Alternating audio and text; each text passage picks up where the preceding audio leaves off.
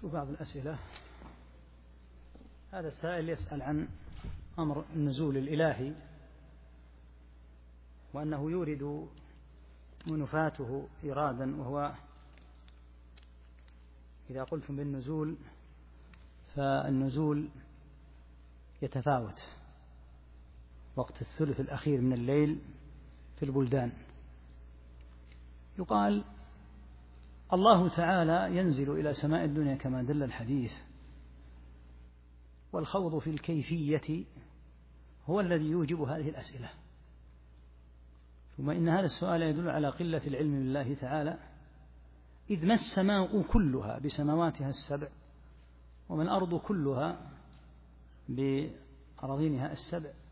ما هي عند الله تعالى حتى تكون المسألة مشكلة يعني خلق من خلق الله عز وجل هو السماء وخلق من خلق الله تعالى هو الأرض الرب سبحانه وتعالى شاء أن ينزل إلى سماء الدنيا فلا يكرثه كما قال تعالى ولا يؤوده حفظهما فكما لا يؤوده حفظهما وسع كرسيه السماوات والأرض ولا يؤوده لا يثقله ولا يكرثه فكذلك أمر النزول لما يجعل كأنه معضلة وكأننا نحن بحاجة إلى أن نحل إشكالا ربك ينزل سبحانه وتعالى وكيفية نزوله هو بها أعلم سبحانه وهذا الإيراد كما قلت هو إيراد من شبه ثم عطل فلما شبهوا نزول الله عز وجل بنزول المخلوق أوردوا عليه هذا الإشكال المتعلق بالزمان الله سبحانه وتعالى لا يكرثه زمان ولا يكرثه مكان سبحانه وبحمده فالأمر إليه والخوض في كيفية النزول ليس كما قلنا ليس من منهج أهل السنة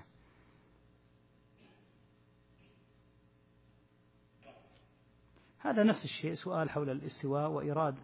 عليه فكل هذا خوض في الكيفيات والأصل كما قلنا أن الكيفيات وإيراد الإشكالات يقول إذا أثبتنا الصفة يشكل كذا مرة أخرى يقال لا تتصور صفة الرب سبحانه كصفة المخلوق وإلا أوردت إشكالات كثيرة لأنها فعلا واردة على صفة المخلوق فإذا تصورت أن هذا الذي يرد على صفة المخلوق يرد على صفة الله أكثرت من الإرادات أما إذا علمت أنها صفة لله عز وجل على أكمل ما يكون تسقط هذه الإرادات كلها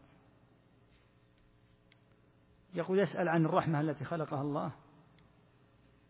ورحمة الله التي هي صفة من صفاته تختلف لا شك الرحمة الواردة في حديث إن الرحمة إن الله عز وجل خلق الرحمة وجعل منها رحمة يتراحم بها الخلائق هذه ليست من صفات الله لا يقال أنها صفة من صفات الله لأن صفات الله ليست مخلوقة ليست الصفة القائمة بالله الصفة القائمة بالله عز وجل لا يقال عنها إنها مخلوقة قال تعالى أفمن يخلق كمن لا يخلق فهذه الصفة التي يتصف بها الرب سبحانه وتعالى هي صفة الرحمة القائمة به هو سبحانه أما الرحمة التي خلقها جعلها بين الخلائق حتى ترفع الوحش وحافرها عن صغيرها خشية أن تطأه هذه رحمة مخلوقة بين الخلائق يقول ما المقصود تحديدا بالسلف ومن هم أصحاب القرون المفضلة وهل القرن مئة سنة أم سبعون أم المقصود به الجيل أما المقصود بالسلف فهم الذين سلفوا سبقوا قال تعالى والذين جاءوا من بعدهم يقولون ربنا اغفر لنا ولإخواننا الذين سبقونا فهم الذين سلفوا قبلنا وسبقونا بالإيمان وإذا أطلقت كلمة السلف فالمراد بها أهل القرون المفضلة الذين قال صلى الله عليه وسلم خير الناس قرني ثم الذين يلونهم ثم الذين يلونهم أما قول هل القرن مئة سنة أم سبعون أم المقصود به الجيل تارة يراد بالقرن مئة السنة كما قال عليه الصلاة والسلام لما صلى بهم مرة أرأيتم ليلتكم هذه فإنه لا يبقى على رأس مئة سنة ممن هو على ظهر الأرض منها اليوم ممن هو على ظهر اليوم الأرض اليوم أحد هذا هو القرن وهو المعروف له القرن بالإطلاق أما القرن إذا أطلق به الجيل فيراد بالقرن في بعض الأحيان الجيل مجموعة معينة يطلق عليها الجيل لكن مروع السلف يقصد, يقصد بهم الصحابة والتابعون وأتباع التابعين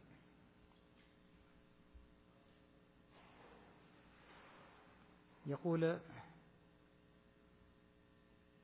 يسأل عن الكتاب الذي أشرت إليه وقدم له القرضاوي وزعم فيه أن أهل السنة مفوضة تعمدت أن أذكر الكتاب لأني لا أحب أن أفشيه فيكون ذلك سببا في العثور عليه وتعمدت الإشارة إليه لأجل من لأجل أن يعيه من وقف عليه وقرأه ونحن لا نحب أن نضع نوعا من الدعاية لمثل هذه الكتب لأنها كتب ضلال ولو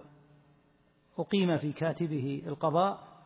لأوسع عقوبة وجلدا وسجنا لأنه افترى فرية كبيرة جدا على الصحابة والتابعين فلا نحب أن تكون الدروس العلمية سببا في نشر كتب أهل الضلال لكن من وقف من طلبة العلم عليه عرفه يقول أي شرح للمعة تنصح بمطالعته اللمعة كغيره من كتب العقيدة شرحه مجموعة من المشايخ مثل اللمعة ومثل الطحاوية ومثل الواسطية العادة أنها تشرح من قبل كثيرين من أهل العلم فتجد شرحها المشايخ رحمهم الله عموما وفيه شرح متوسط للشيخ محمد بن عثيمين رحمه الله شرح وإن لم يكن أفاض فيه كثيرا لكنه يعتبر من الشروح الجيدة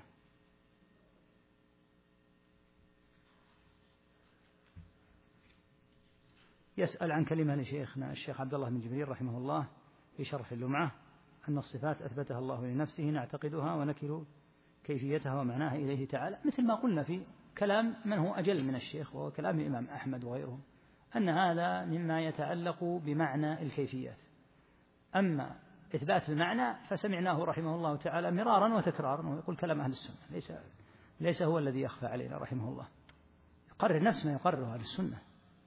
أن الصفات على معانيها ولذلك كان يفسر ويذكر رحمه الله تعالى كلام ابن القيم الذي ذكرناه في معاني الاستواء ولهم عبارات عليها أربع قد حصلت الفارس الطعان وهي استقر وقد علا وكذلك ارتفع الذي ما فيه من نقصان إلى آخره فمعروف أنه من حيث الكيفيات والمعاني حقيقة المعنى الحقيقة التي الصفة عليها هذا من المحال أن يعيه أحد لكن المعنى لكلمة الرحمة ألست إذا قرأت الرحمن الرحيم ترجو ترجو لأنك تفهم المعنى ألست إذا قرأت قوله تعالى إن بطش ربك لشديد, لشديد تخاف تخاف لأن المعنى واضح ولهذا جمع الله تعالى بين ما يقتضي الطمع والخوف ويحذركم الله نفسه والله رؤوف بالعباد يعني حتى يجتمع عندك في قوله ويحذركم الله نفسه الخوف والله رؤوف بالعباد يأتي الرجاء حتى يكون العبد بين الخوف والرجاء هذا معلوم معروف عند أهل السنة والجماعة أنه مثل ما أنه مثل ما قلنا أن حقائق الصفات والكيفيات التي هي عليها هذا لا يحيط به أحد كما قال تعالى ولا يحيطون به علما أما المعنى لو أنك عندك درس تفسير ومر بك معنى الرحمن الرحيم تجد كلام ابن عباس تجد كلام السلف في المراد بالرحمن الرحيم إذا مر بك معنى المغفرة وأصلها من حيث اللغة ومعناها المراد وهو الذي تدعو الله عز وجل به تدعو الله بشيء لا تدري معناه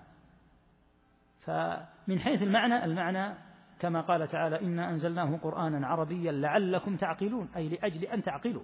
وتفهموا فالتعقل والفهم يكون لآيات الصفات ولغيرها من حيث فهمها ومعنى فهم معناها لكن الكيفيات هي التي مثل ما ذكرنا يقرر أهل السنة أن من المحال أن يقف أحد على حقائقها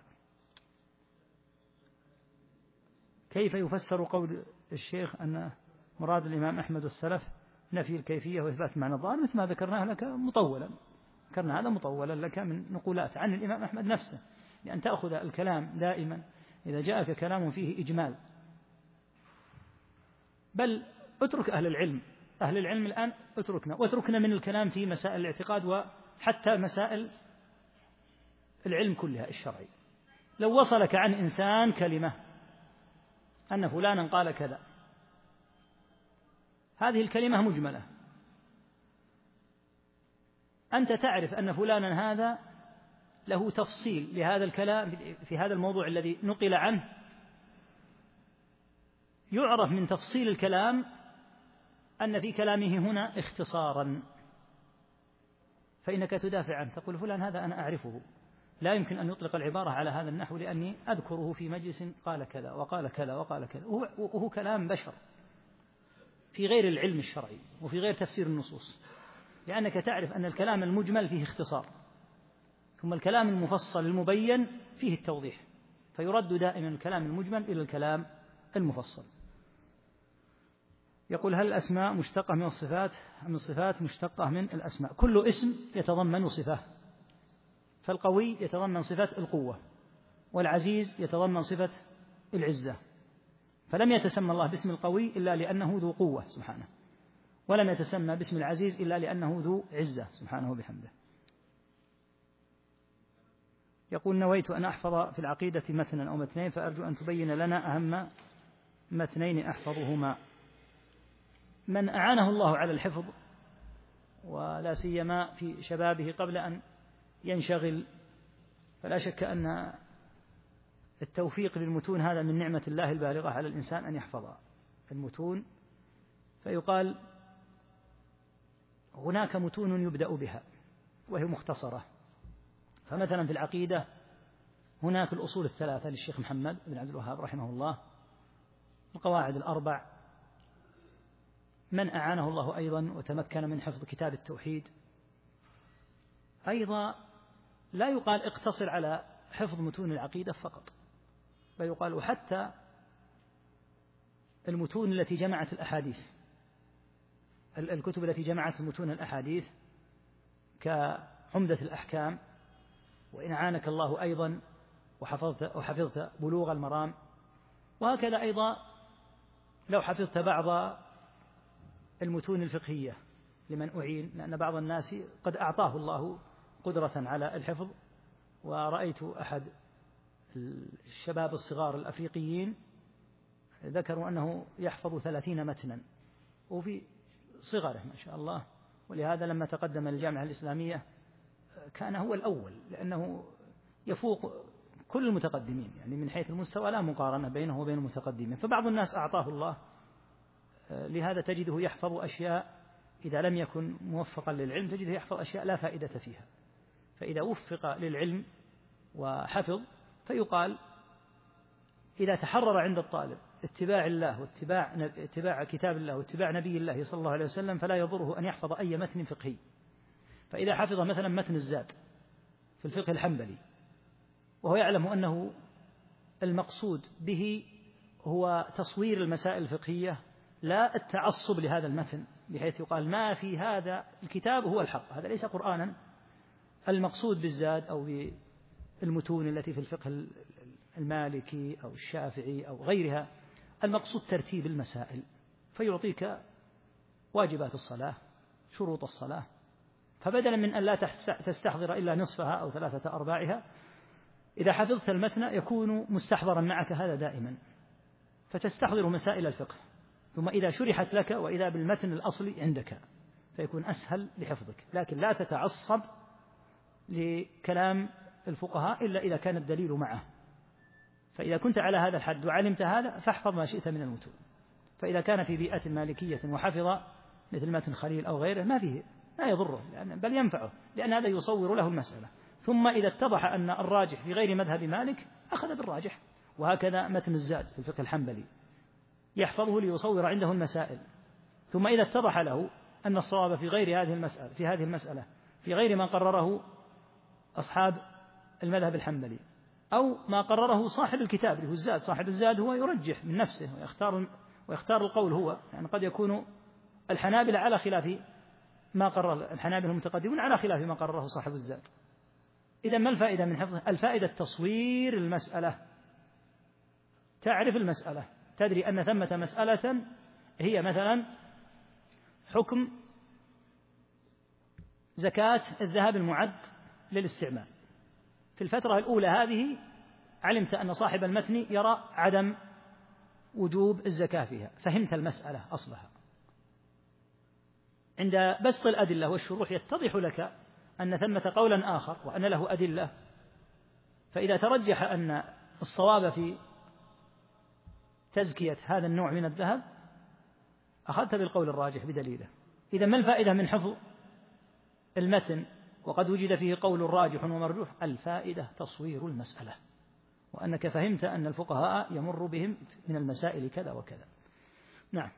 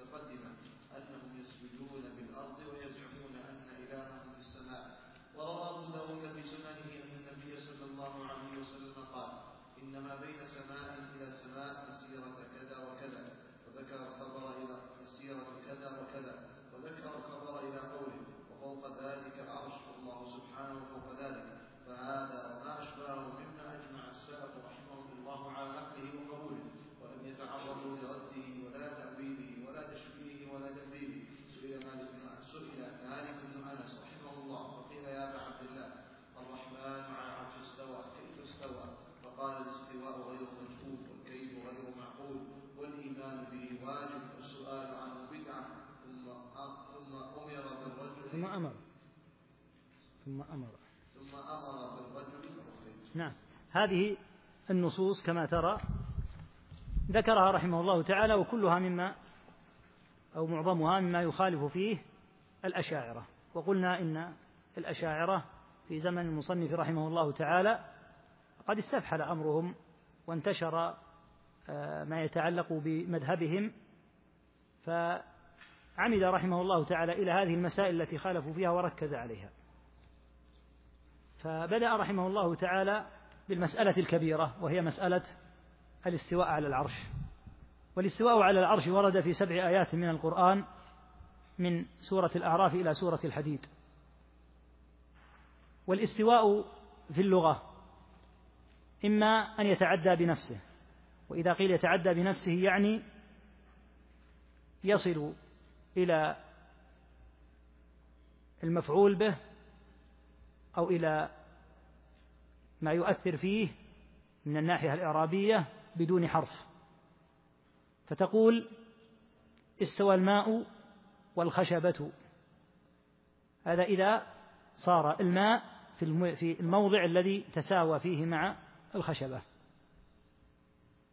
يقول الله عز وجل ولما في في شأن موسى فلما بلغ أشده واستوى يعني كمل في خلقته وفي عمره فهذا الاستواء النوع الأول الثاني الاستواء إذا عدي بحرف إلى كما قال تعالى ثم استوى إلى السماء النوع الثالث إذا استوى الاستواء إذا عدي بعلى فالاستواء إذا عدي بعلى استوى على فمن خلال لغة العرب التي لا يشك في أن هذا هو معناها وعرف وضبط عليه الشواهد اللغوية أن معنى استوى على العرش أن معناه ارتفع على العرش وعلى عليه وهذا في كل فعل في في فعل استوى إذا عدي بعلى ولهذا قال تعالى في سفينة نوح واستوت على الجودي الجودي هو الجبل لما أغرق الله تعالى الأرض وصارت سفينة نوح في ذلك الماء العظيم استوت وصارت على الجودي فالاستواء إذا عدي بعلى فليس له معنى عند العرب تفهمه إلا الارتفاع فقوله تعالى الرحمن على العرش استوى وفي مواضع ثم استوى على العرش لا شك أن معناه أنه تعالى على العرش كما تقدم في كلام ابن القيم حين ذكر تفاسير السلف رضي الله تعالى عنهم وأرضاهم بعدها أورد آية تتعلق بالعلو وهي قوله تعالى أأمنتم من في السماء وعلو الله كما قلنا صفة ذاتية أما استواءه على العرش فهو من الصفات الاختيارية لأن العلو من الصفات الذاتية لله تعالى فهو في العلو سبحانه وتعالى وهذا أمر ملازم لذاته أما الاستواء على العرش فهو كما تقدم صفة اختيارية علو الله سبحانه وتعالى على خلقه يقول أهل العلم إن الأدلة الدالة عليه تزيد على ألف دليل وذكر ابن القيم رحمه الله تعالى في النونية وبين أن هذه الأدلة في واحد وعشرين نوعا يعني عندنا واحد وعشرون نوعا كل نوع تحته أفراد من الأدلة هذا المراد فمن ذلك على سبيل المثال التصريح بأن الله تعالى في السماء هذا نوع أفراد أدلته في سورة تبارك قوله تعالى كما هنا أأمنتم من في السماء هذا الدليل الأول الدليل الثاني الآية بعدها أم أمنتم من في السماء من ذلك ما في ما في السنة عنه عليه الصلاة والسلام كقوله ألا تأمنوني وأنا أمين من في السماء وقوله ارحموا من في الأرض يرحمكم من في السماء وقوله للجارية أين الله قالت في السماء قال من أنا قالت رسول الله قال أعتقها فإنها مؤمنة هذا إذا قيل النوع الأول التصريح بأن الله في السماء ثم تدخل, تدخل تحت هذا النوع عددا من الأدلة من القرآن ومن السنة النوع الثاني التصريح بالفوقية أن الله فوق وهذا ذكر في القرآن في ثلاثة مواطن قال تعالى وهو القاهر فوق عباده وهو الحكيم الخبير في سورة الأنعام وقال تعالى أيضا في سورة الأنعام وهو القاهر فوق عباده ويرسل عليكم حفظه وقال تبارك وتعالى يخافون ربهم من فوقهم فذكر في القرآن ثلاثة أنواع ثلاثة أفراد من الأدلة تحت النوع الثاني التصريح بأن الله فوق عباده التصريح بالفوقية النوع الثالث النوع الرابع النوع الخامس النوع السادس وهكذا كل نوع تحته أفراد من الأدلة وثمة أنواع كإجماع أهل العلم هذا يعد نوعا ومن ذلك أيضا من الأدلة الفطرة على أن الرب تبارك وتعالى في السماء سبحانه وتعالى في العلو وأدلتها كما قلنا ذكر أهل العلم أنها أكثر من ألف دليل يعني إذا أفردت فإنها تبلغ أكثر من ألف دليل وصنف فيها أهل العلم ومن أوسع المصنفات فيها كتاب العلو للذهبي رحمه الله تعالى جمع فيه ما يتعلق بالأدلة من القرآن ومن السنة ومن كلام الصحابة وكلام التابعين وملأ الكتاب بشواهد كثيرة جدا من النصوص دالة على أن الله تعالى في السماء ومن أظهر أدلة العلو العروج إلى الله تعالى وفيه الحديث الصحيح الثابت بعروج النبي صلى الله عليه وسلم وفيه تفاصيل صعوده إلى رب العالمين وعروجه إليه حيث أخبر أنه وجد في السماء الأولى آدم في السماء الثانية عيسى ويحيى ابن الخالة ثم في الثالثة يوسف أو في الرابعة في الخامسة هارون في السادسة موسى في السابعة إبراهيم قال ثم ارتفع ارتفع بي إلى مستوى أسمع فيه صريف الأقلام أي أقلام الكتبة ثم كلف كلمه الله تعالى كفاحا يعني كلمه الله مباشرة وفرض عليه الصلوات الخمس فرضها خمسين صلاة لما هبط به جبريل مر بموسى في السماء السادسة صارت السماء السادسة الآن نزولا بالنسبة إلى ما فوقها فقال إن أمتك لا تطيق ذلك فاسأل ربك التخفيف فارتفع به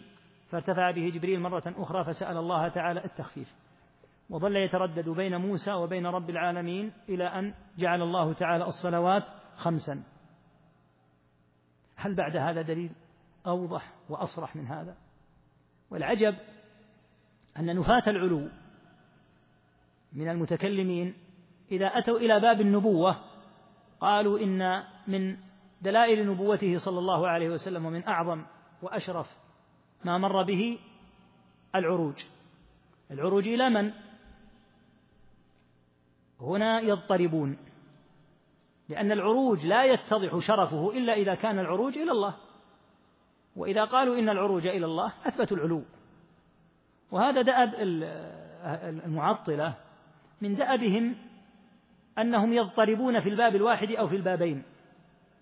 فلهذا في القدر يضطربون مع موضوع النبوة فيما قرروه بشأن دلالات النبوة التي سموها المعجزات فلما أتوا إلى دلالات النبوة ذكروا كلاما نقضوا به, نقضوا به بدعتهم في القدر وهكذا يضطرب كلامهم لا يضطرد فيقررون في الباب الواحد ما يكون متناقضا أو يقررون في باب ما يضطرب مع باب آخر لأن هكذا الباطل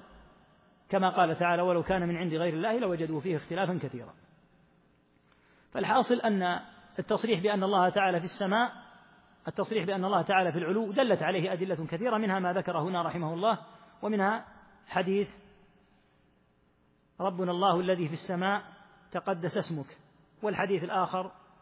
حديث الجارية وكذلك قول النبي صلى الله عليه وسلم لحسين ابن المنذر والد عمران رضي الله عنه عن رضي الله عن عمران وأبيه قال له عليه الصلاة والسلام وكان حسين من أهل الجاهلية قبل أن يسلم كم إلى أن تعبد قال سبعة ستة في الأرض وواحدا في السماء قال فمن لرغبتك ورهبتك يعني إذا جاءك الحال الملجئ حال الرهبة والخوف أو حال الطمع في أمر ينسى هؤلاء الذين في الأرض قال الذي في السماء قال فاترك الستة واعبد الذي في السماء يعني الله لا يوجهه صلى الله عليه وسلم إلا إلا إلى عبادة الله قطعا ثم علمه صلى الله عليه وسلم هذا الدعاء العظيم اللهم ألهمني رشدي وقني شر نفسي وهو من أعظم الأدعية أن يلهم الإنسان الرشد ويوقى شر نفسه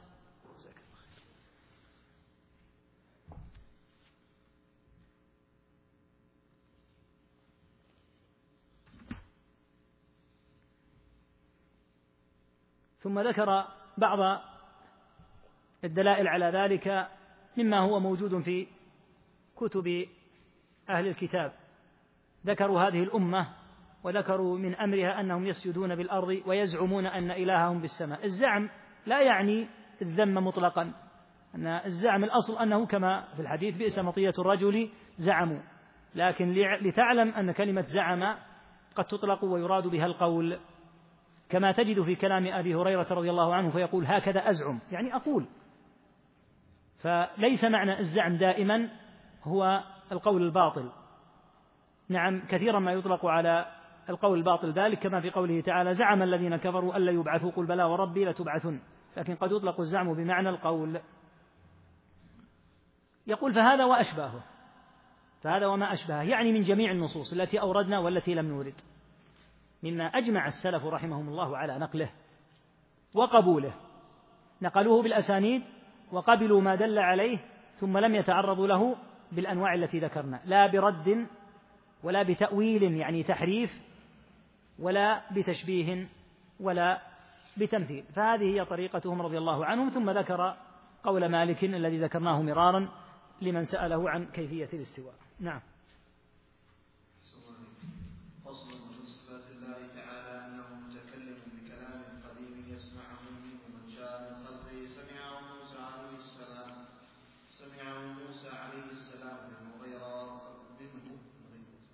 وأنا من غير واسطة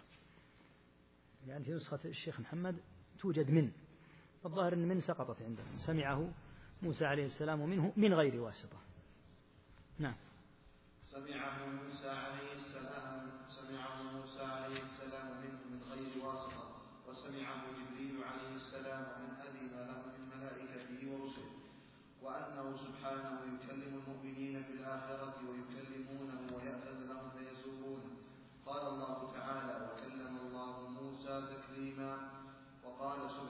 يا موسى إني اصطفيتك على الناس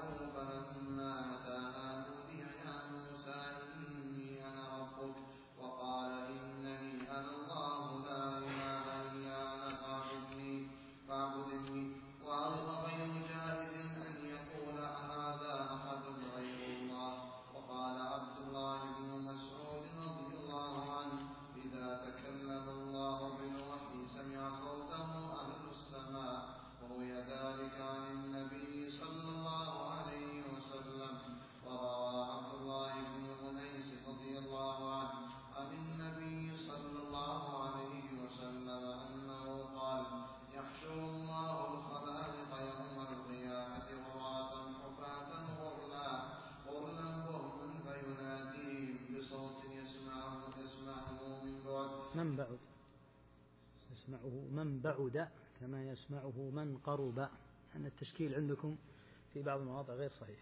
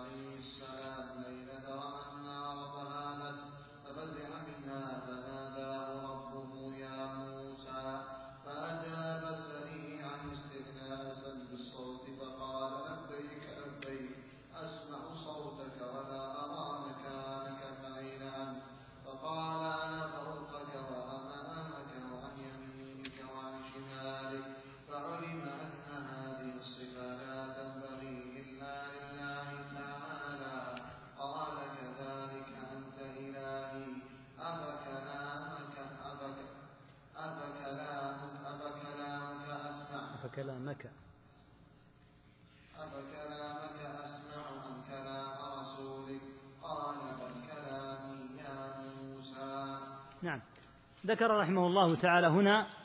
ما يتعلق بهذه المسألة العظيمة وهي مسألة الكلام. قرر رحمه الله تعالى أن الله تعالى متكلم ومما تكلم به سبحانه القرآن والتوراة والإنجيل هذه الكتب تكلم بها سبحانه وتعالى فلهذا تنسب إليه فيقال القرآن هو كتاب الله لأن الله تكلم به كما قال تعالى وإن أحد من المشركين استجارك فأجره حتى يسمع كلام الله فلا شك أن القرآن كلام الله ولهذا صار كتاب الله نسب إلى الله لأن الله تكلم به سبحانه وتعالى وهكذا التوراة والإنجيل قوله رحمه الله تعالى متكلم بكلام قديم هذا الكلام هذا الموضع يحتمل أن يريد به أنه كما يقول أهل السنة القرآن من حيث الكلام كلام الله عز وجل من حيث أصله هو صفة ذاتية ومن حيث آحاده هو صفة فعلية إذا قلنا إنه صفة ذاتية يعني أنه تعالى لم يزل ولا يزال متكلما لا ينفك عنه الكلام وآحاده فعلية يعني أنه يتكلم متى شاء فأصل الكلام أصل الصفة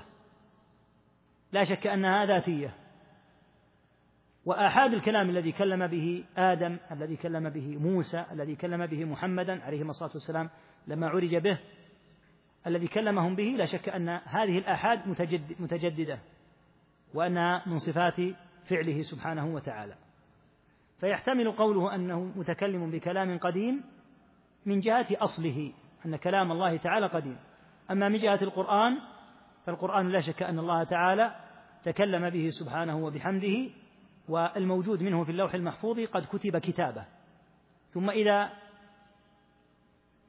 جاءت مناسبة معينة أو شاء الله أن ينزل منه ما شاء في وقت معين تكلم به سبحانه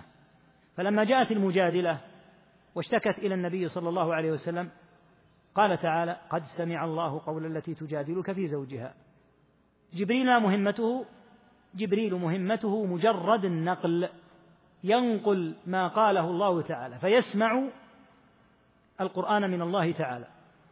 وينزل به على نبي الله عليه الصلاة والسلام وتكون مهمة رسول الله صلى الله عليه وسلم الإبلاغ كما قال تعالى فهل على الرسل إلا البلاغ المبين فالقرآن تكلم الله تعالى به ابتداء بلا شك ولهذا يقول أهل العلم كما يعني يأتي إن شاء الله منه بدأ أي القرآن منه بدأ أي هو الذي تكلم به سبحانه وإليه يعود يقول يسمعه من شاء من خلقه سمعه موسى موسى عليه الصلاة والسلام لما كلمه الله تعالى سمع الخطاب ورد الجواب قال تعالى وما تلك بيمينك يا موسى فلما سمع هذا الكلام رد بقوله هي عصاي أتوكأ عليها وأهش بها على غنمي ولي فيها مآرب أخرى فسمع الخطاب ثانية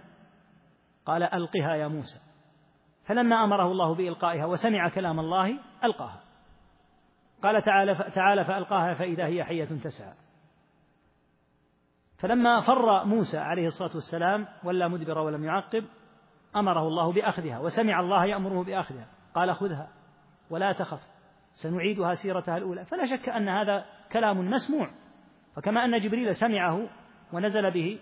على النبي صلى الله عليه وسلم فالله تعالى يتكلم متى شاء بما شاء سبحانه بكلام مسموع ولهذا في القرآن كما سيأتي إن شاء الله كلام الله ألفاظه ومعانيه الرب تعالى هو الذي قال ألف لام ميم ذلك الكتاب لا ريب فيه هدى للمتقين وغير ذلك من الآيات جبريل سمع ربه يقول هذا فنزل على محمد صلى الله عليه وسلم بما قاله الله له أن ربك أنزل عليك ألف لام ميم ذلك الكتاب لا ريب فيه وهكذا فمحمد صلى الله عليه وسلم يخبر ويبلغ عليه الصلاة والسلام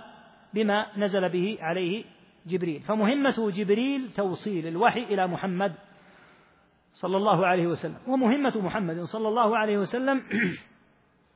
توصيل ما بلغه جبريل عن ربه تعالى إلى الناس لتقوم عليهم الحجة ويعرفوا ما أمرهم الله تعالى به وما نهاهم عنه والذي تكلم ابتداء هو الله ولهذا القرآن كلام الله كلام الله منه بدأ القرآن بدأ من الله تعالى وإليه يعود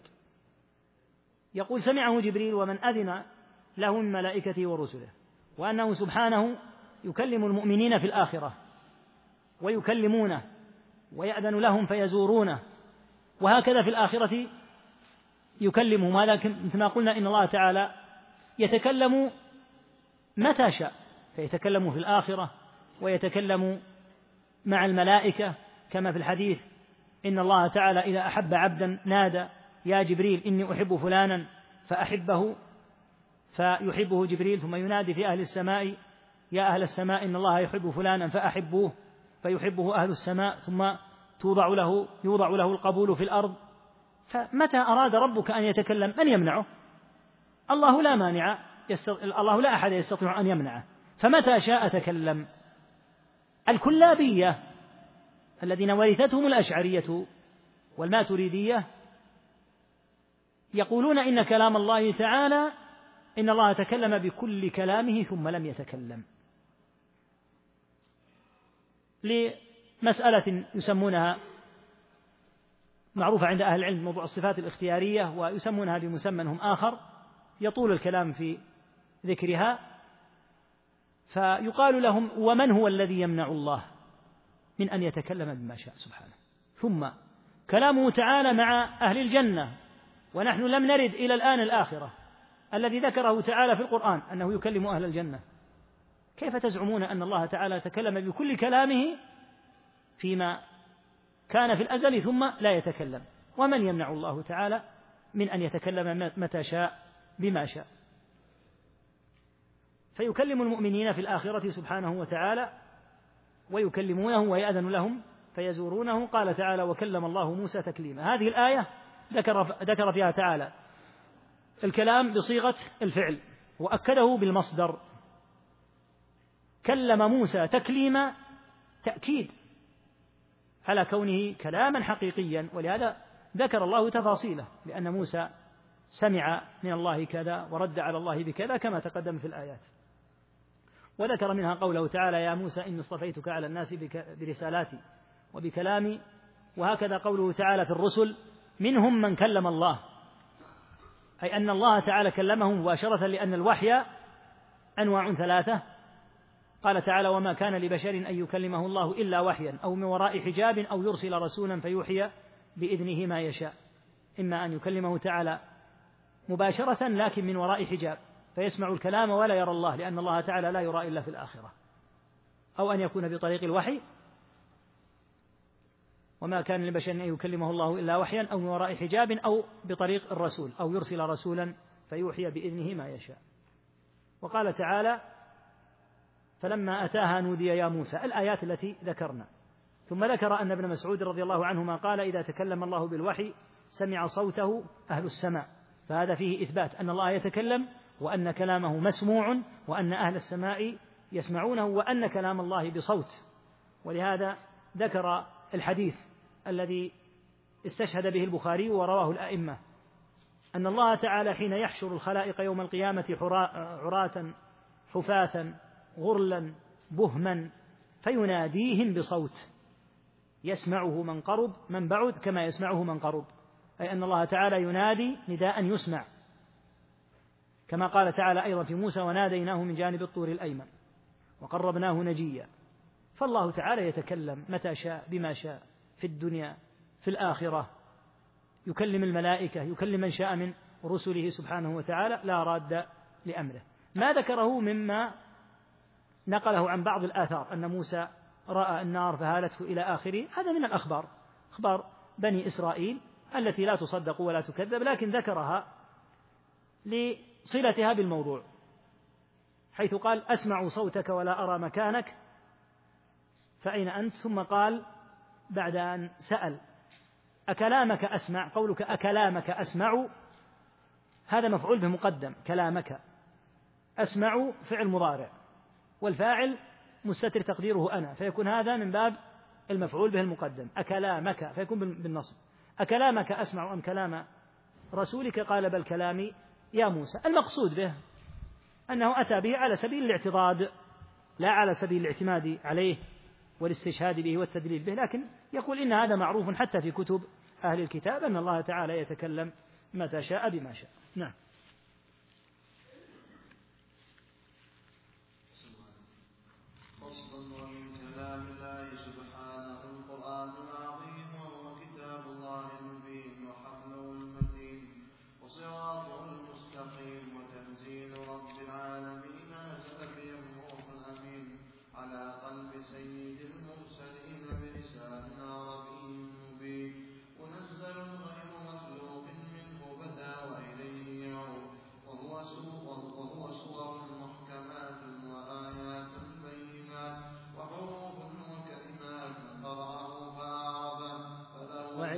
الألفاظ والكلمات نعم من قرأ نعم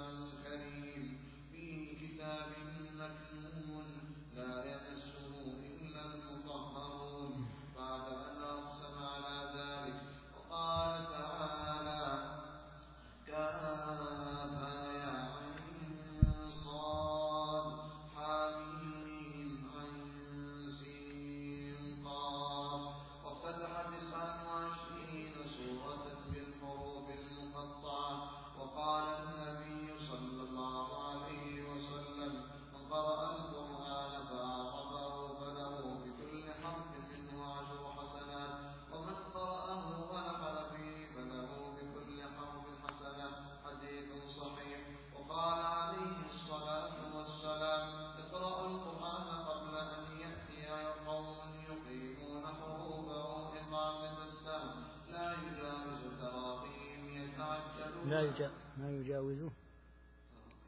تراقيه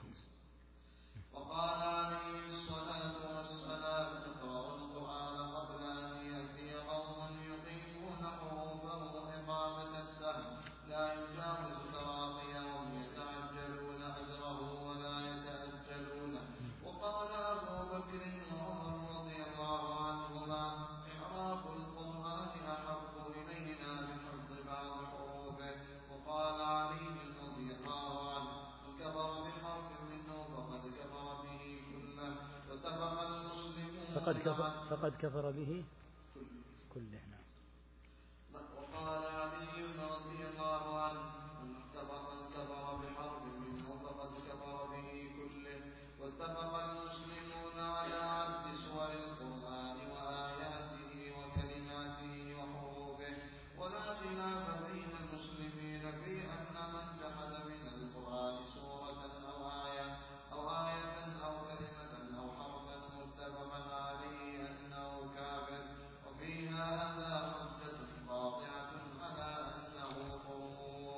بعد أن تكلم رحمه الله تعالى في صفة الكلام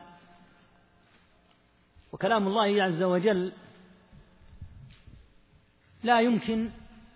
أن يحصى ولو جعل البحر مدادا وحبرا وجعلت الأشجار أقلاما لنفدت البحار وتكسرت الأقلام ولم ينفد كلام الله ولو أن ما في الأرض من شجرة أقلام والبحر يمده من بعده سبعة أبحر ما نفدت كلمات الله فلا تنفد كلمات الله تعالى وصفاته تعالى على أعظم وأجل ما يكون من الكمال ومنها صفة الكلام والقرآن بعد أن تكلم عن صفة الكلام هو من كلام الله لهذا قال ومن كلام الله سبحانه القرآن العظيم فالقرآن من كلام الله ولهذا قال أهل العلم يجوز أن يحلف بالقرآن لأن الحلف بالله أو بصفاته حق ومن حلف بالقرآن فقد حلف بصفة من صفات الله وهي كلامه فلو حلفت وقلت وعزة الله وقدرة الله وجبروت الله وعظمة الله وكلام الله كل هذا حق لأن الله يحلف به أو بأسمائه أو صفاته والقرآن من كلام الله قال وهو كتاب الله المبين وحبله المتين وصراطه المستقيم وتنزيل رب العالمين نزل به الروح الامين اي جبريل على قلب سيد المرسلين بلسان عربي مبين وهذا كله واضح ثم قال منزل اي من عند الله انزله الله تعالى كما قال تعالى الحمد لله الذي انزل على عبده الكتاب والتصريح بالنزول من عند الله هو من ادله العلو فاذا كان التصريح بالعروج إلى الله دليلا من أدلة العلو فالذي يأتي من عند الله أيضا يعبر عنه بالنزول الحمد لله الذي أنزل على عبده الكتاب منزل غير مخلوق فتبين لنا بذلك أن العقيدة في القرآن أنه كلام الله وما دام كلام الله تعالى فيقال فيه ما يقال في سائر صفات الله تعالى منزل أي أنزله الله تعالى نزل به جبريل كما قال الرب سبحانه نزل به الروح الأمين غير مخلوق وهذه هي المسألة التي صمد علماء السنة للمعتزلة ولمن أعانهم من خلفاء بني العباس لأجل ألا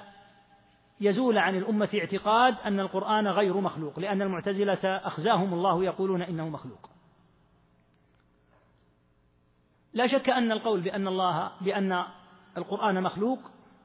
خطر للغاية وهو يفسر لك السبب في الصمود العظيم الذي صمد أهل السنة لأجل أن لا يفشو في الأمة قول المعتزلة لأنه إذا قيل إن القرآن مخلوق وقد علمنا أن القرآن من كلام الله ترتب على ذلك أن صفة الكلام مخلوقة ومن قال إن من الله تعالى شيئا مخلوقا فقد كفر لأنه إذا قال والعياذ بالله إن صفة من صفات الله مخلوقة قول هائل عظيم والرب تعالى حين نزه نفسه قال أفمن يخلق كمن لا يخلق فهو الخالق سبحانه وتعالى وما سواه مخلوق ولهذا قال تعالى أفلا تذكرون فإذا قال أحد إن صفة الكلام مخلوقة والعياذ بالله فالمخلوق ناقص والمخلوق يترتب عليه ما يترتب على كل مخلوق أما إذا قيل غير مخلوق وهو الذي صمد له أهل السنة فإن معنى ذلك أن ما سوى الله وصفاته فهو مخلوق سماؤه أرضه شجره ملائكته الإنس الجن الدواب الطيور كلها مخلوقة وما سوى المخلوقات ليس إلا الخالق فلا فما ثم إلا خالق ومخلوق الخالق لا يخلق حاشاه سبحانه وتعالى عما يقول الظالمون علوا كبيرا ففطن أهل السنة للخطورة البالغة التي أراد المعتزلة أن يدخلوها على الأمة واستعانوا بالسلطة والقوة ليجروها في الأمة ولهذا رأى الإمام أحمد وغيره من علماء السنة أن الحال ليس حال ضرورة وليس حال إكراه يعني رأوا أن الحد ليس حد إكراه لأن من أهل العلم من يقول إن الإكراه هو لعموم الناس أما إذا كان العالم إذا أجاب إلى الباطل ضلت الأمة فليس للعالم أن يجيب وإن قتل وإن قتل والإكراه قالوا لا إكراه ليس له مندوحة شرفه الله بالعلم ورفعه بالعلم وبقي هذا المقام الذي يصمد فيه ثم يكون من أهل الجنة فليتحمل العلم له تبعه يصبر ليس هو من أحد طلاب العلم لو قيل إن أحد طلاب العلم قال بكذا لقيل الأمر وإن كان خطأ لكنه لا يؤثر إلا في عدد قليل لكن إذا كان الرؤوس الكبار من علماء السنة سيتزعزعون ويتضعضعون فإن ذلك سيجري في الأمة مذهبا كفريا لهذا رأى بعض أهل العلم أن الإمام المتبوع الذي يترتب على إجابته ضلال الأمة أنه ليس له أن يجيب وأن الآية التي في الإكراه إنما هي في الأحوال العادية التي لا ينشأ ولا يترتب عليها أن يكون ثمة كفر ينتشر بسبب هذا الموقف فمن هنا كانت وجهة أحمد رحمه الله هي الصبر والصمود هذا الموضع هو الذي جعل أهل السنة كما قلنا يقفون هذا الموقف وقفوا رضي الله تعالى عنهم وأرضاهم أمام جبروت المعتزلة وقهرهم وبلغ بهم الطغيان حدا أدخلوا حتى عوام المسلمين في هذا الموضع فكانوا زمن الواثق إذا كان حرب بين الروم وبين المسلمين أسر بعض المسلمين وصل بهم الطغيان حدا يقولون للأسير إذا أرادوا أن يفتدوا به من الروم يكونون قد أسروا من الروم والروم قد أسروا من المسلمين يقولون للأسير عند الروم وربما كان عاميا لا يدري وربما كان من طلاب العلم يقولون تقول إن القرآن مخلوق أو غير مخلوق ما الذي يدخل هذا المسكين في معركتكم هذه فإن قال إن القرآن مخلوق فادوه بأسير من الروم وإن قال معاذ الله القرآن مخلوق قالوا ابقى عند الروم لا نفاديك لأنهم كانوا يرون كفر من يقول بهذا ولهذا كانوا يكفروا الإمام أحمد وأئمة السنة هذا من الطغيان العظيم ولهذا انظر آية من آيات الله قل أن يتفطن الناس فيها أباد الله كتب المعتزلة إبادة إلهية من فوق سبع سماوات لو أردت أن تكتب بحثا في المعتزلة تعبت مع أن بعض المعتزلة ألف مئتي مؤلف ودعمتهم الدولة العباسية في عصور ثلاثة من الخلفاء فلم تعين قاضيا إلا معتزليا ولم تعين واعظا إلا معتزليا ولا مفتيا إلا معتزليا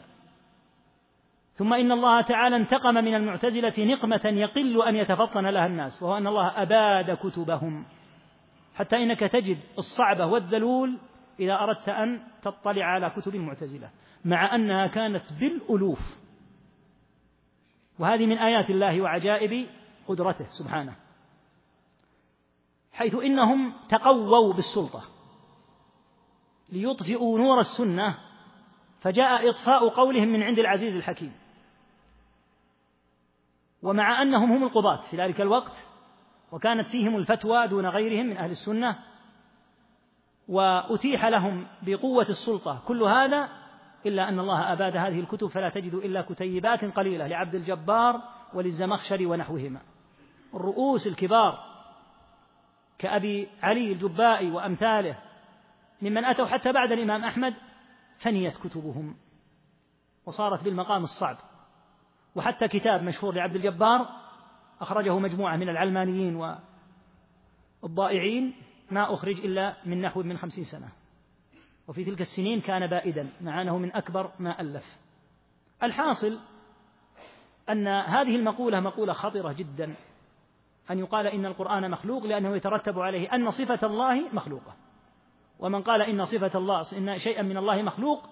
فقد أعظم الفرية على الله ولهذا قلنا إن أبا نعيم رحمه الله قال للوالي إذا وصلت الأمور إلى هذا الحد وأنكم تريدوننا أن نقول إن القرآن مخلوق فهذا زري زر الثوب قطعه ثم قال والله إن رقبتي أهون من زري أن تضل الأمة وتكفر الأمة وأنا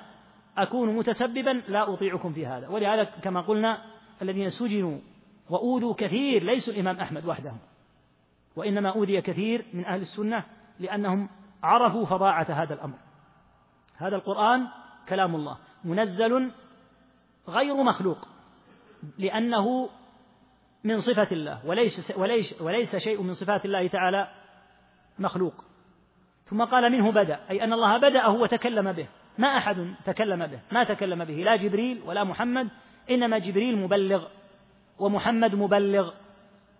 جبريل ينزل به على محمد صلى الله عليه وسلم ومحمد صلى الله عليه وسلم يبلغه للأمة فالقرآن بدأ من عند الله تعالى وإليه يعود سبحانه ذكر في معنى قوله قول أهل السنة وإليه يعود جاء في الحديث أن القرآن والعياذ بالله في آخر الزمان حين يهجر يسرى على ما في المصاحف فلا يبقى في المصاحف شيء من السطور لا يكتب فيها شيء يفتح المصحف لا يوجد فيه شيء مكتوب ويسرى على ما في الصدور الذي حفظته فلا يبقى منه شيء فيعود إلى من تكلم به سبحانه لأن القرآن أعظم وأجل من أن يبقى في قوم قد هجروه وهذا والعياذ بالله عند اقتراع عند فساد الزمان وفساد الناس بحيث لا يبقى أحد من أهل الإسلام ولهذا جاء في الحديث أنه يسرى عليه فلا يبقى منه شيء في الصدور ولا في السطور قال وهو سور محكمات وآيات بينات وحروف وكلمات وهو بهذا يرد على الأشاعرة لأن الأشاعرة يقولون إن القرآن عبارة عن كلام الله وليس هو عين كلام الله بل هو عبارة عن كلام الله وكلام الله معنى وليس ألفاظا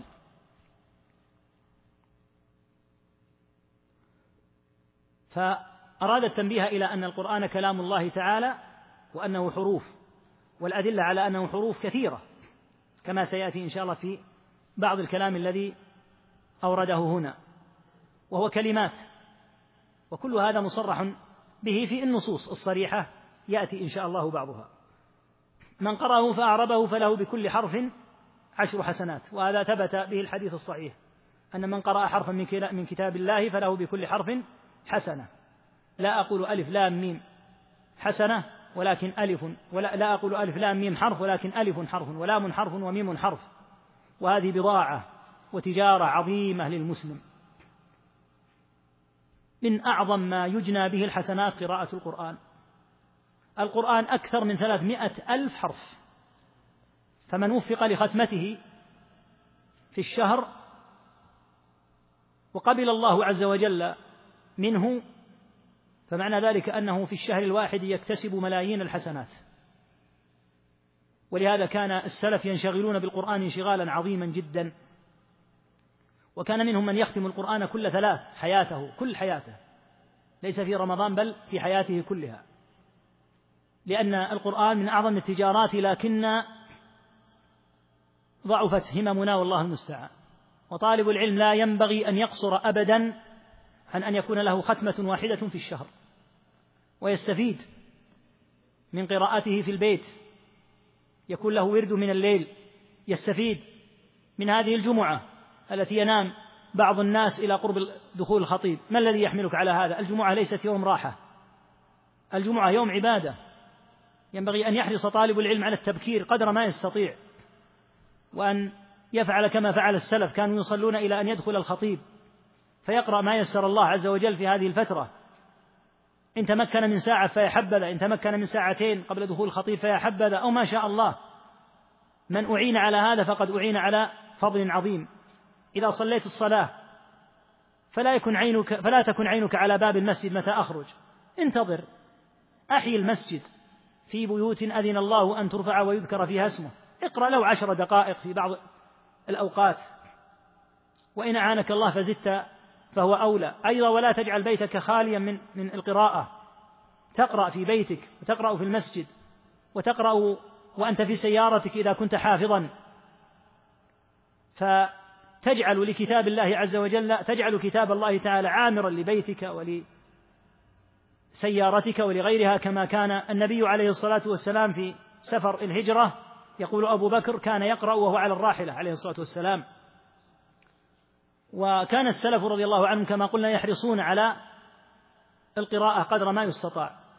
لكن ينبغي أن لا يتجاوز المسلم أن لا يطيع نفسه فيمر به الشهر ما ختم هذا ما يقال حرام لكن لا شك أنه يقال إنه غفلة ولو تدبر بعض من يقفون ينظرون في المواقع الإلكترونية في الساعات التي في الشهر لتهولوا وشابت رؤوسهم من الساعات التي تقضى لو قيل له إنك تقضي معدل سبع ساعات مضروبة في ثلاثين يوما يعني مئتين وعشر ساعات تقريبا لما صدق أنه يمضي أياما في الشهر في هذه المواقع التي منها المفيد ومنها النافع ومنها الذي هو ضرر لا نفع فيه ومنها ما لا ضرر ولا نفع فيه فكتاب الله كله حق وكله نفع فينبغي أن تكون الهمم أعلى وأرفع ويقبل على هذا القرآن العظيم الذي هو بهذه المثابة طالب العلم في العقيدة إذا عرف مثل هذا فليس المقصود أن يعتقد هذا فقط ينعكس على عمله بلا شك ينعكس إذا علم أن القرآن بهذه المثابة انعكس عليه قراءة واقبالا على كتاب الله عز وجل يقول له اول واخر اي القران عكس ما تقول الكلابيه والاشاعره وامثالهم لانهم يرونه معنى واحدا ليس فيه امر ولا نهي وليس فيه استفهام ولا جواب يقولون هو معنى واحد فقال له اول واخر لا شك له مبدا وله نهايه وهو اجزاء وابعاض متلو بالالسنه محفوظ في الصدور مسموع بالآذان مكتوب في المصاحف يعني أنه هو كلام الله فتقرأه الألسن ويحفظ في الصدور ويسمع إذا قرئ ويكتب في السطور في المصاحف ثم قال فيه محكم ومتشابه أي القرآن كما قال تعالى في الآية التي ذكرنا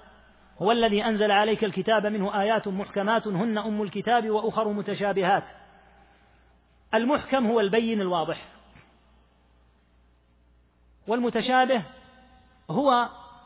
ما قد يشتبه معناه لأن لفظه لا يفهم إلا إذا رد إلى المحكم فأهل الحق يردون المتشابه إلى المحكم فيتبين قال الشيخ محمد بن عثيمين رحمه الله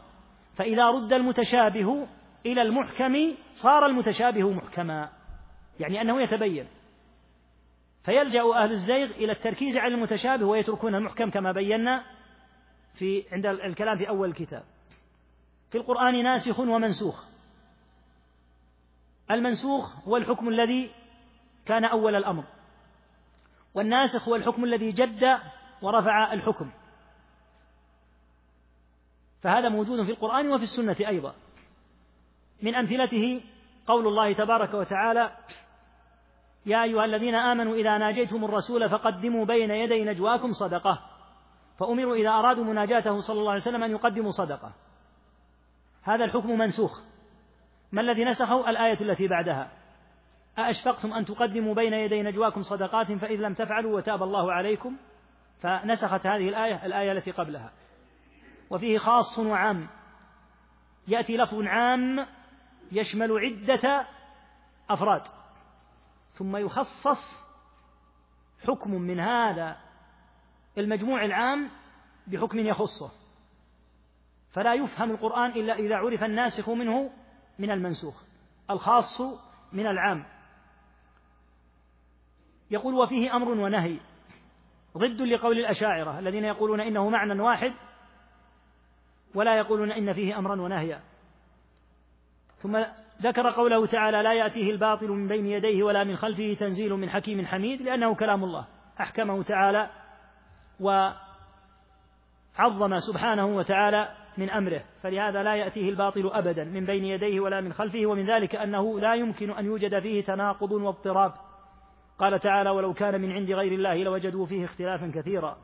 وبين تعالى انه لا يمكن ان ياتي لا الانس ولا الجن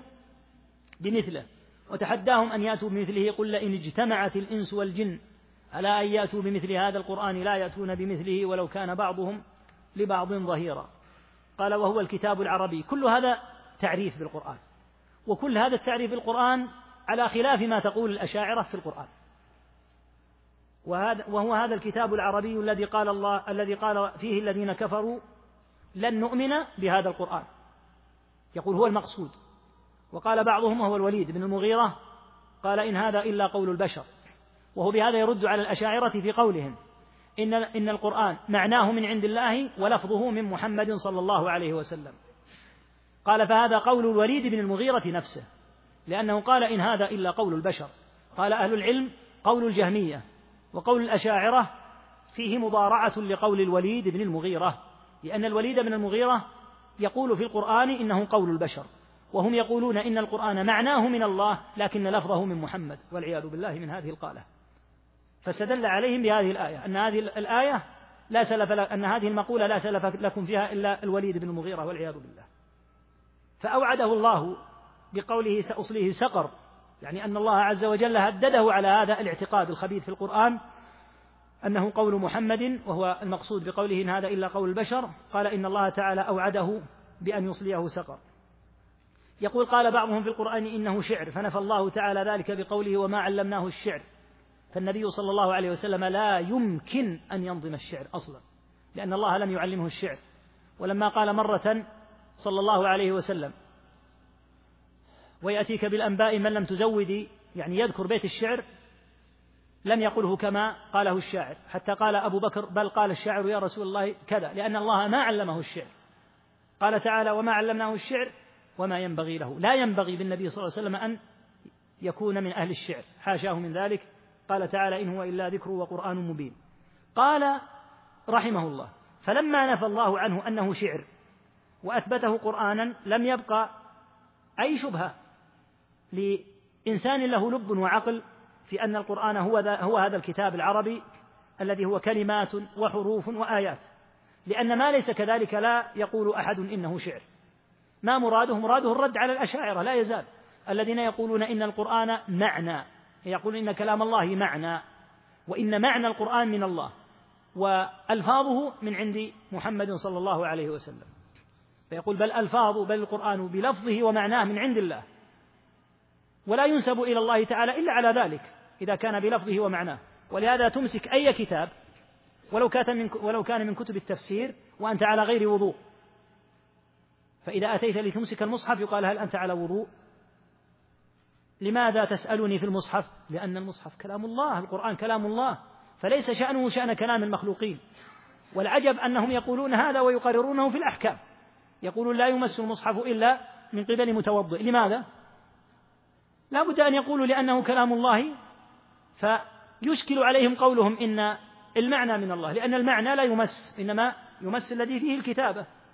ولهذا قال إنه مكتوب في المصاحف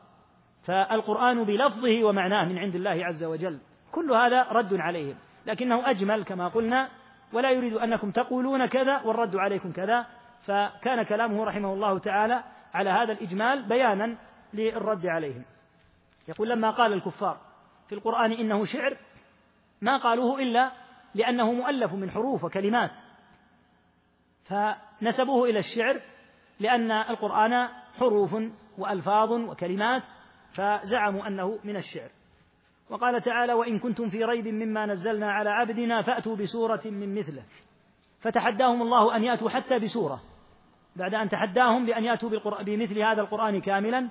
تحداهم أن يأتوا بسورة بعشر سور لم يتمكنوا لأنه كلام الله الذي لا يمكن أن يقوم المخلوق أن يقول المخلوق مثله يقول ولا ولا يجوز أن يتحداهم بالإتيان بمثل ما لا يدرى ما هو ولا يعقل مراده الاستدلال بالآية على أن الله تعالى لا يتحداهم إلا بالكلام الذي هو حروف وألفاظ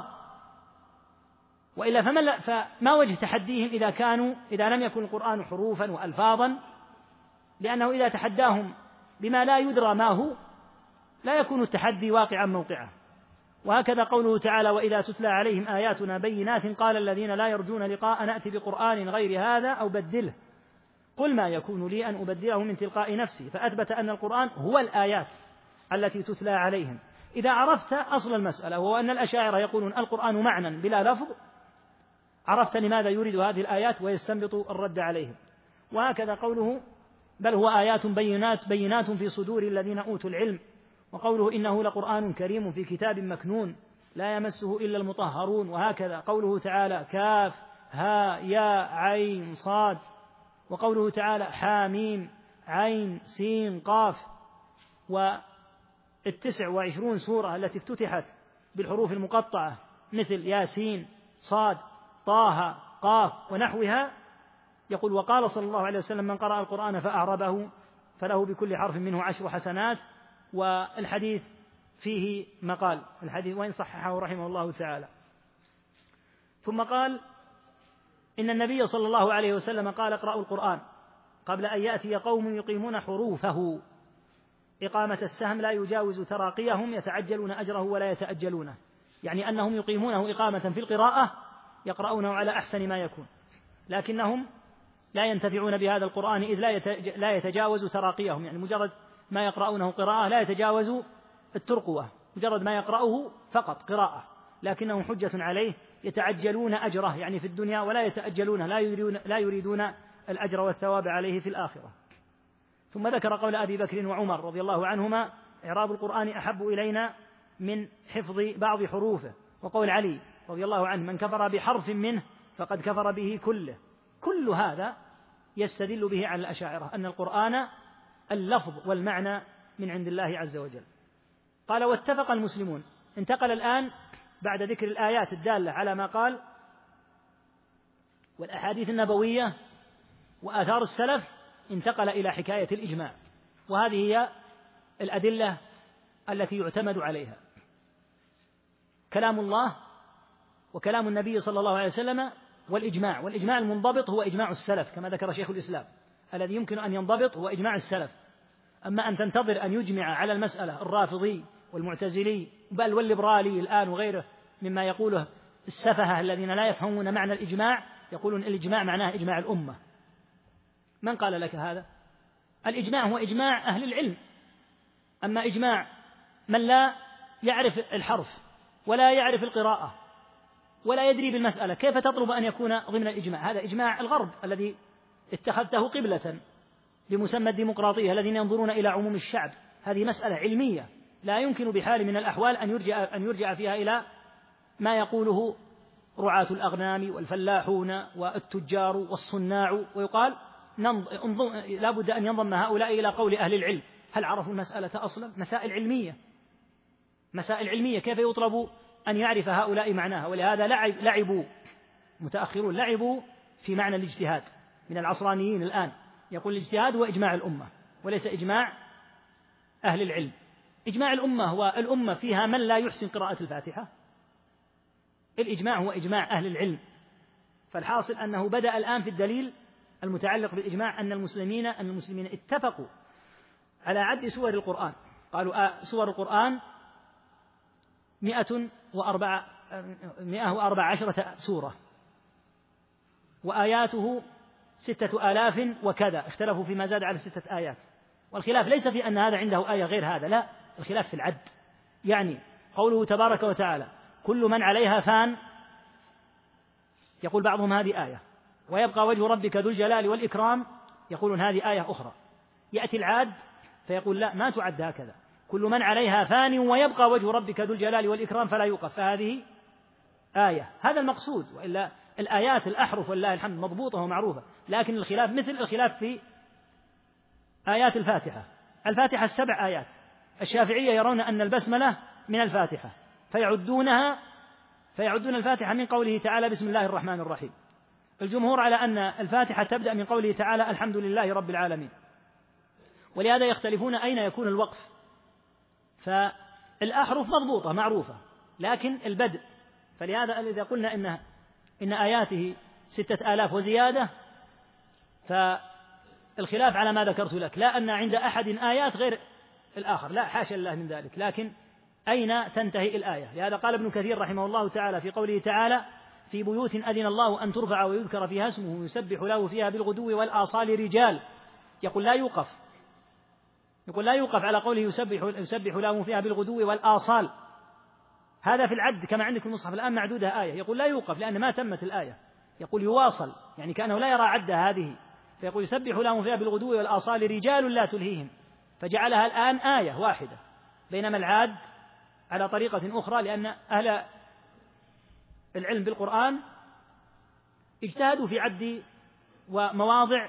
نهايات الآيات القرآن كما قلنا منضبطة آياته لكن أين يقف يوقف هنا أو هنا هذا الذي يجعل العدد يتفاوت والخطب في هذا سهل وكذلك حروفه حروفه ذكر ابن كثير أنها ثلاثمائة ألف وواحد وعشرون ألف حرف وأظنه قال مئة وثمانين أو مئة وواحد وثمانين يعني عدوا حروفه حرفا حرفا يقول هذا أمر متفق عليه بين المسلمين هذا الاتفاق وش يعني يعني أن القرآن حروف وألفاظ على خلاف ما تقول الأشعرية قال ولا خلاف أيضا بين المسلمين أن من جحد من القرآن سورة أو آية أو كلمة أو حرفا متفقا عليه أنه كافر يقول لو أن أحدا جحد سورة أو جحد آية بل لو جحد كلمة بل لو جحد حرفا متفقا عليه في القراءة أنه يكفر يقول ماذا يدل هذا عليه؟ على أن القرآن على أن القرآن حروف وألفاظ على خلاف ما يقولون إنه مجرد المعنى قال وفي هذا حجة قاطعة على أنه حروف تبين لك الآن لماذا أورد كل هذه النصوص حتى يثبت أن القرآن حروف وإذا كان حروف فهو ألفاظ ومعاني على خلاف ما تقول الأشاعرة إنه المعنى دون اللفظ نعم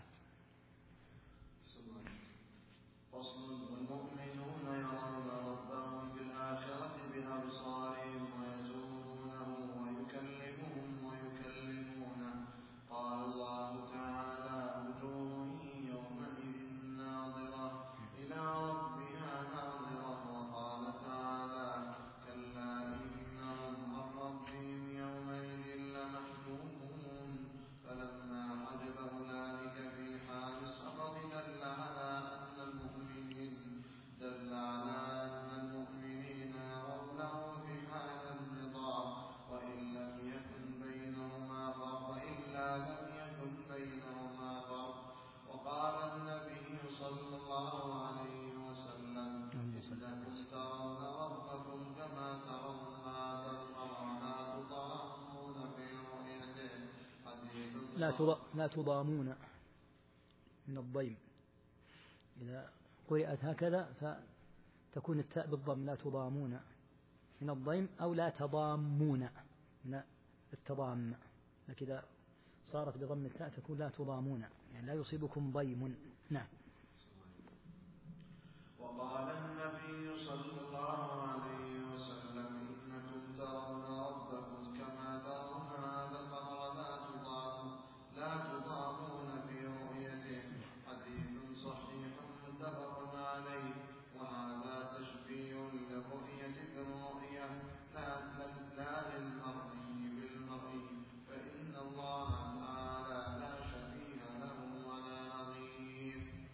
ذكر هذه المسألة الشريفة وهي رؤية الله عز وجل وهي من المسائل العظام ومن الأمور الدالة على السنة وعلى البدعة فمن نفاها فقد نفى آيات كثيرة في القرآن ونفى أحاديث تواترت عن النبي صلى الله عليه وسلم حيث روى أحاديث الرؤية ثلاثون صحابيا فأحاديث الرؤية ولا شك متواترة والأدلة عليها من القرآن كثيرة منها قوله تعالى كما هنا وجوه يومئذ ناظرة من النضارة والبهاء والحسن إلى ربها ناظرة فنظرت إلى الرب تعالى فجاءتها النضرة والبهاء والحسن من نظرهم إلى ربهم تعالى والنظر المقصود به النظر بالبصر لهذا قال والمؤمنون يرون ربهم في الآخرة بأبصارهم فلا شك أن الرؤية بالبصر لهذا قال تعالى وجوه يومئذ ناظرة والوجوه هي التي بها الأعين التي بها يكون النظر قال ويزورونه يعني في الجنة ويكلمهم ويكلمونه وهذا من أعلى نعيم أهل الجنة بل هو أعلاه أن ينظروا إلى ربهم تعالى وأن يكلمهم ويكلمونه قال تعالى وجوه يومئذ ناظرة إلى ربها ناظرة من النظر النظر في الآية هنا غير النظر غير النظرة في يعني هذه الآية ينبغي أن تقرأ هكذا وجوه يومئذ ناظرة من النضارة بالضاد أخت الصاد إلى ربها ناظرة بالضاء أخت الطاء من النظر فإذا قرأتها وجوه يومئذ ناظرة إلى ربها ناظرة ما اتضح المراد فاحرص على أن تقول ناظرة حاول أن تتعلمها وإن كان ابن كثير رحمه الله ذكر أن من لم يتمكن من التفريق بين الضاد والضاء فلا بأس أن يقرأها كذلك لكن لا شك أن القادر أنه ينبغي أن يقرأها بأن يجعل اللسان عند الأضراس ناظرة أما النظر ناظرة عند أعلى الأسنان ناظرة من النظر بالعين حتى تتضح دلالة الآية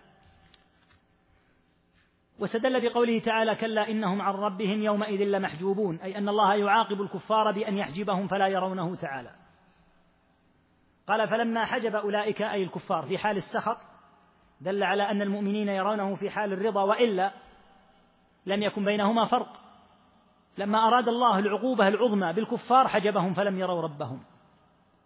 فكان هذا من أعظم العقوبات التي عاقب بها الكفار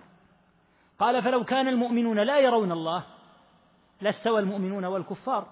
في هذه العقوبة الله تعالى بين أنه حين سخط عليهم حجبهم عن رؤيته تعالى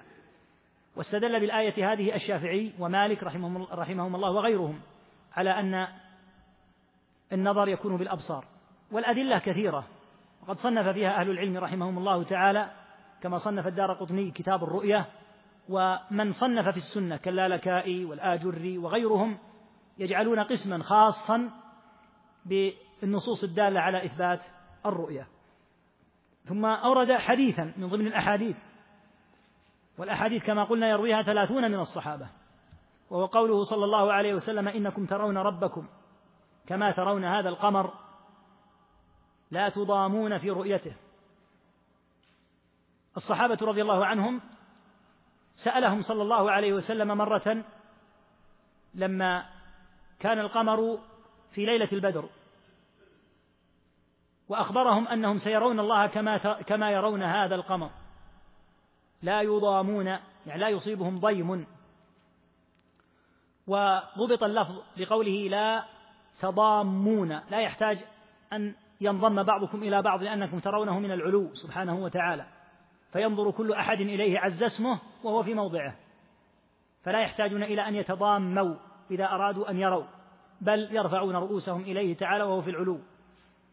قال وهذا تشبيه للرؤية بالرؤية يعني قوله, قوله كما ترون هذا القمر ليس تشبيها للرب بالقمر لكن تشبيها لرؤيتهم في الدنيا القمر بالرؤية التي تكون لله فهي تشبيه للرؤية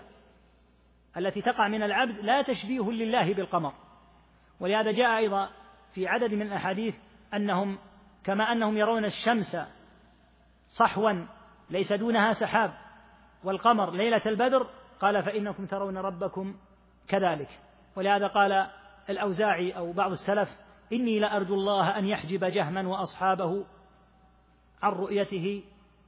حيث نفوا هذا النعيم العظيم لأن الجهم وجماعته ينفون الرؤية وقلنا إن هذا الموطن مما فضح الله به نفاة الصفات فإن من نفاة الصفات من أثبتوا الرؤية ونفوا وجه الله فلما جاء هذا الموطن أثبتوا الرؤية ونفوا الوجه فصار كلامهم مضطربا فإن الرؤية هي إلى وجه الله كما تقدم في الحديث أسألك لذة النظر إلى وجهك فصار المتأخرون من الأشاعرة ينفون الوجه وينفون الرؤية أيضا فصاروا أسوأ من متقدميهم الذين أثبتوا الرؤية واضطربوا في أمر الوجه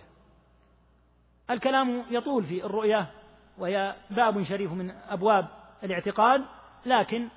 لم يبقى يعني إلا شيء يسير نحاول أن ننتهي بإذن الله عز وجل قبل أذان العشاء والإخوة ينبهون إلى أن الإخوة الصائمين في آخر المسجد فيه إفطار لمن كان من الصائمين ولعلنا نتوقف بعد قليل حتى يتمكن من أراد الإفطار ومن أراد أن يقول أيضا الأذكار نعم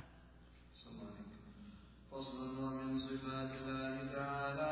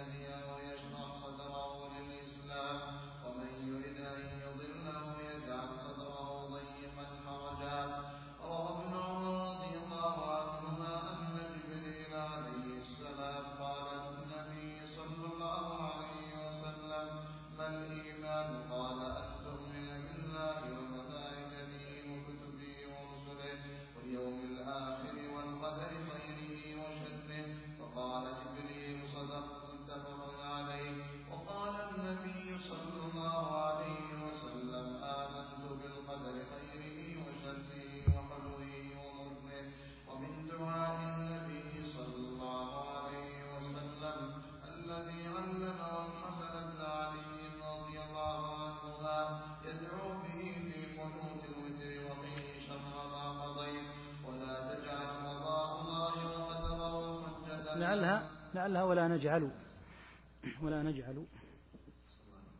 ولا نجعل قضاء الله وقدره حجة لنا في ذنب أوامره واجتناب نواهيه بل يجب أن نؤمن ونعلم أن لله حجة علينا أن لله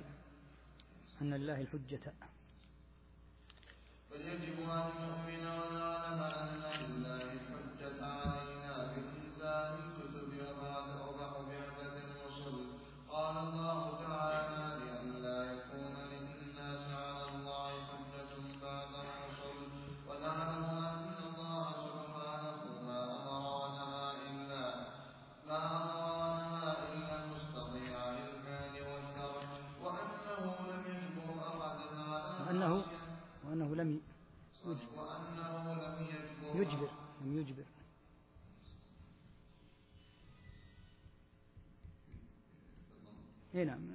النسخ اللي عندكم هذه ليس الضبط فيها في كل موضع سليما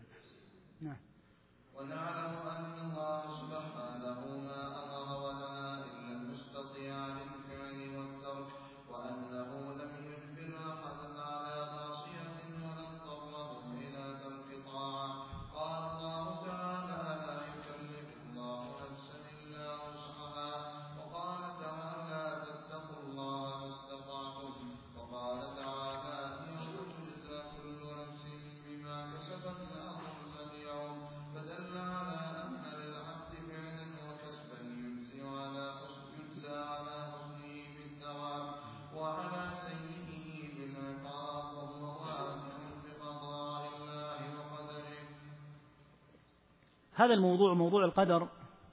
من الموضوعات العظيمة واعلم أنه عند أهل السنة بحمد الله من الأبواب اليسيرة السهلة وأن من سلك فيه المسلك السوي فإنه لا يمكن أن يمثل عنده قلقا ولا أن يمثل عنده إشكالا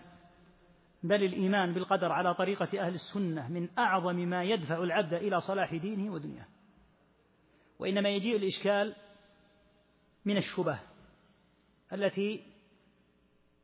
يرخي لها الإنسان سمعه إما من القدرية النفاة أو من الجبرية الغلاة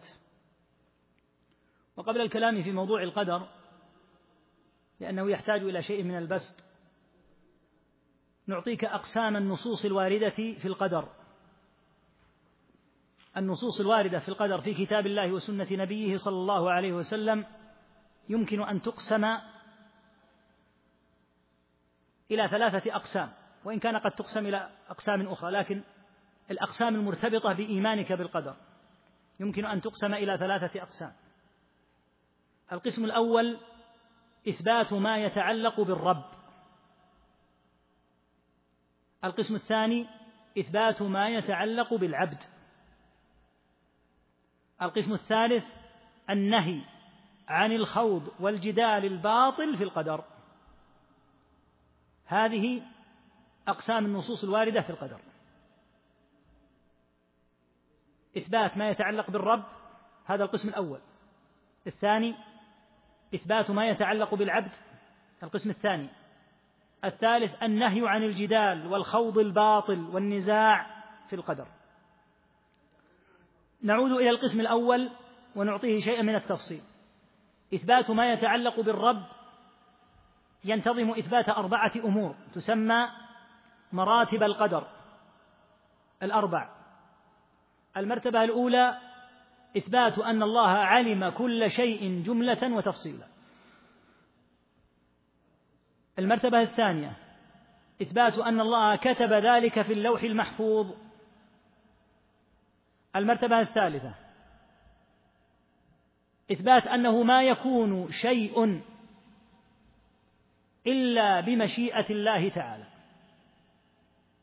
المرتبة الرابعة إثبات أن جميع ما يكون فإن الله هو خالقه والأدلة على هذه المراتب الأربعة كثيرة في القرآن منها ما يذكر في مرتبة وحده كمرتبة العلم كما قرأنا آياتها أول النهار ومنها ما يذكر فيه مرتبتان كقوله تعالى ما أصاب من مصيبة في الأرض ولا في أنفسكم إلا في كتاب من قبل أن نبرأها إن ذلك على الله يسير هذا في إثبات صفة الكتابة وإثبات صفة الخلق في مثل قوله تعالى هل من خالق غير الله وما يتعلق بالعلم يذكر مع الكتابة في كثير من الآيات يقرن ما يتعلق بعلم الله مع كتابته سبحانه وتعالى وعنده مفاتح الغيب لا يعلمها الا هو ويعلم ما في البر والبحر وما تسقط من ورقه الا يعلمها ولا حبه في ظلمات الارض ولا رطب ولا يابس الا في كتاب مبين فاول ايه في العلم واخرها في الكتابه وهكذا اذا اثبتت هذا لله لان هذا امر يرتبط بالربوبيه وبتدبيره تعالى للامور فلا يقع شيء إلا عن علمه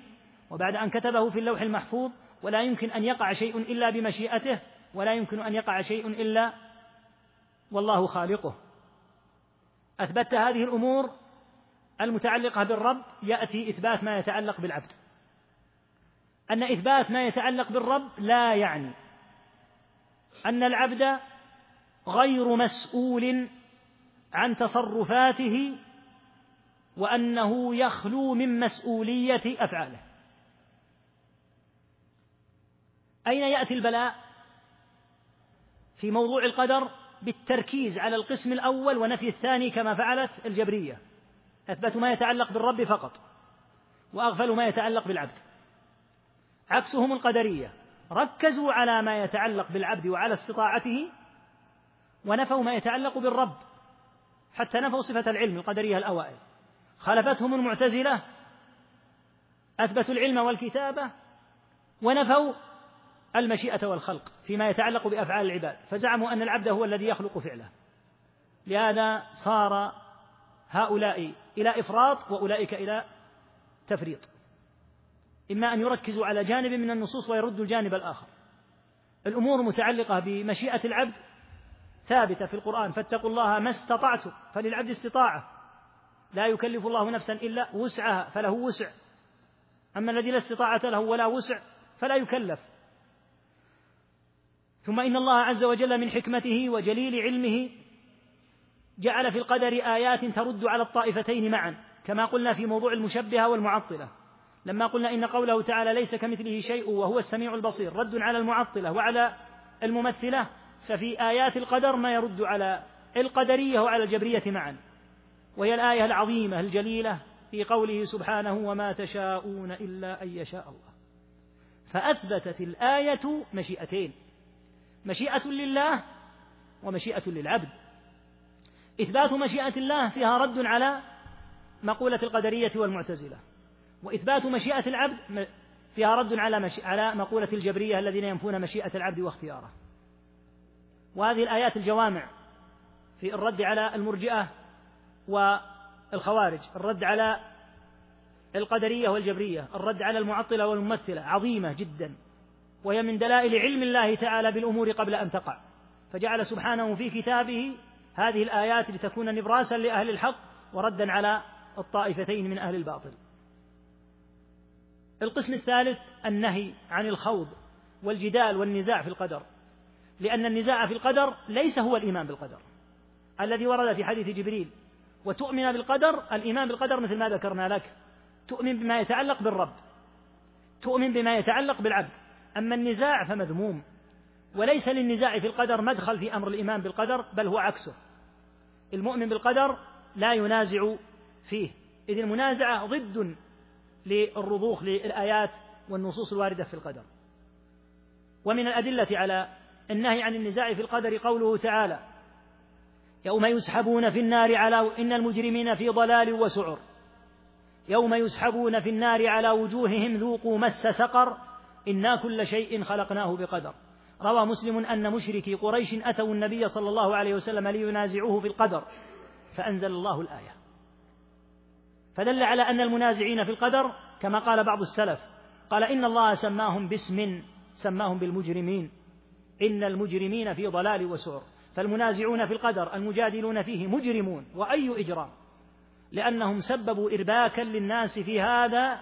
الباب في النصوص أن النبي صلى الله عليه وسلم خرج مرة وإذا بأصحابه رضي الله عنهم يتكلمون في القدر وقد ارتفعت أصواتهم في رواية اللالكائي يقول الراوي هذا ينزع بآية وهذا ينزع بآية يعني هذا آية هذا ينزع بآية مما يدل على إثبات ما يتعلق بالرب يقابله آخر بآية مما يتعلق بالعبد فغضب صلى الله عليه وسلم غضبا شديدا يقول الراوي عبد الله بن عمرو كأنما يفقأ في وجهه حب الرمان صلى الله عليه وسلم يعني من شدة احمرار وجهه وفي بعض الروايات أنه أخذ ترابا وحثاه عليهم وهذا من أندر ما فعله صلى الله عليه وسلم لكنه فعله تأديبا لهم وقال مهلا يا قوم بهذا أهلكت الأمم من قبلكم بضربهم الكتاب بعضه ببعض إن القرآن لم ينزل يكذب بعضه بعضا ولكن يصدق بعضه بعضا فما عرفتم منه فاعملوا به وما جهلتم فكلوه إلى عالمه لأنك إذا تنازعت مع أحد في القرآن فصرت تركز على آية وهو ينازعك بآية فكأن الآية هذه خلاف للآية هذا وكأن ما تقول تقولان إن آيات القرآن يكذب بعضها بعضا قال إن القرآن لم ينزل يكذب بعضه بعضا بل يصدق بعضه بعضا فالذي يعي آيات القدر أو الإيمان أو الصفات يعلم أن الآيات يصدق بعضها بعضا الصحابة خير التلاميذ هل وقع بعدهم بعد هذا الموقف خصمة في القدر تأدبوا ولم يتناقشوا في القدر على تلك الهيئة رضي الله تعالى عنهم وأرضاهم بخلاف من بعدهم فإنه مع هذه النصوص ومع هذه المواقف منه صلى الله عليه وسلم صار فيهم هذا النزاع الشديد في القدر ولهذا لما بلغ عمر ابن عبد العزيز أنهم اتخذوه سنة وصاروا يتنازعون فيه قال هؤلاء ارتاع لذلك وقال هؤلاء أهل أن تسل ألسنتهم من أقفيتهم وقال حكمي فيهم لما سأل بعض السلف قال أن يقتلوا بعد أن يستتابوا قال وذاك رأيي فيهم ولما قتل غيلان كأن هشام ندم على قتله هشام بن عبد الملك فكتب إليه بعض السلف والله لقتل هذا الرجل خير من قتل ألف من الروم وألف من الديلم من, من الترك والديلم يعني الكفار ذاك الوقت يقول قتل هؤلاء أعظم من قتال الكفار لأن هؤلاء ينشئون في الأمة هذه البدع والبلايا ولهذا قال صلى الله عليه وسلم في حديث حسنه بعض أهل العلم أخر النزاع في القدر لشرار أمتي آخر الزمان فدل على أن الصحابة يسلمون من النزاع وأن المتنازعين في القدر هم الأشرار الحاصل أن نضبط سنعود إلى كلام إن شاء الله بعد الصلاة إذا ضبطت أنواع وأقسام النصوص الواردة في القدر انضبط لك الباب إن شاء الله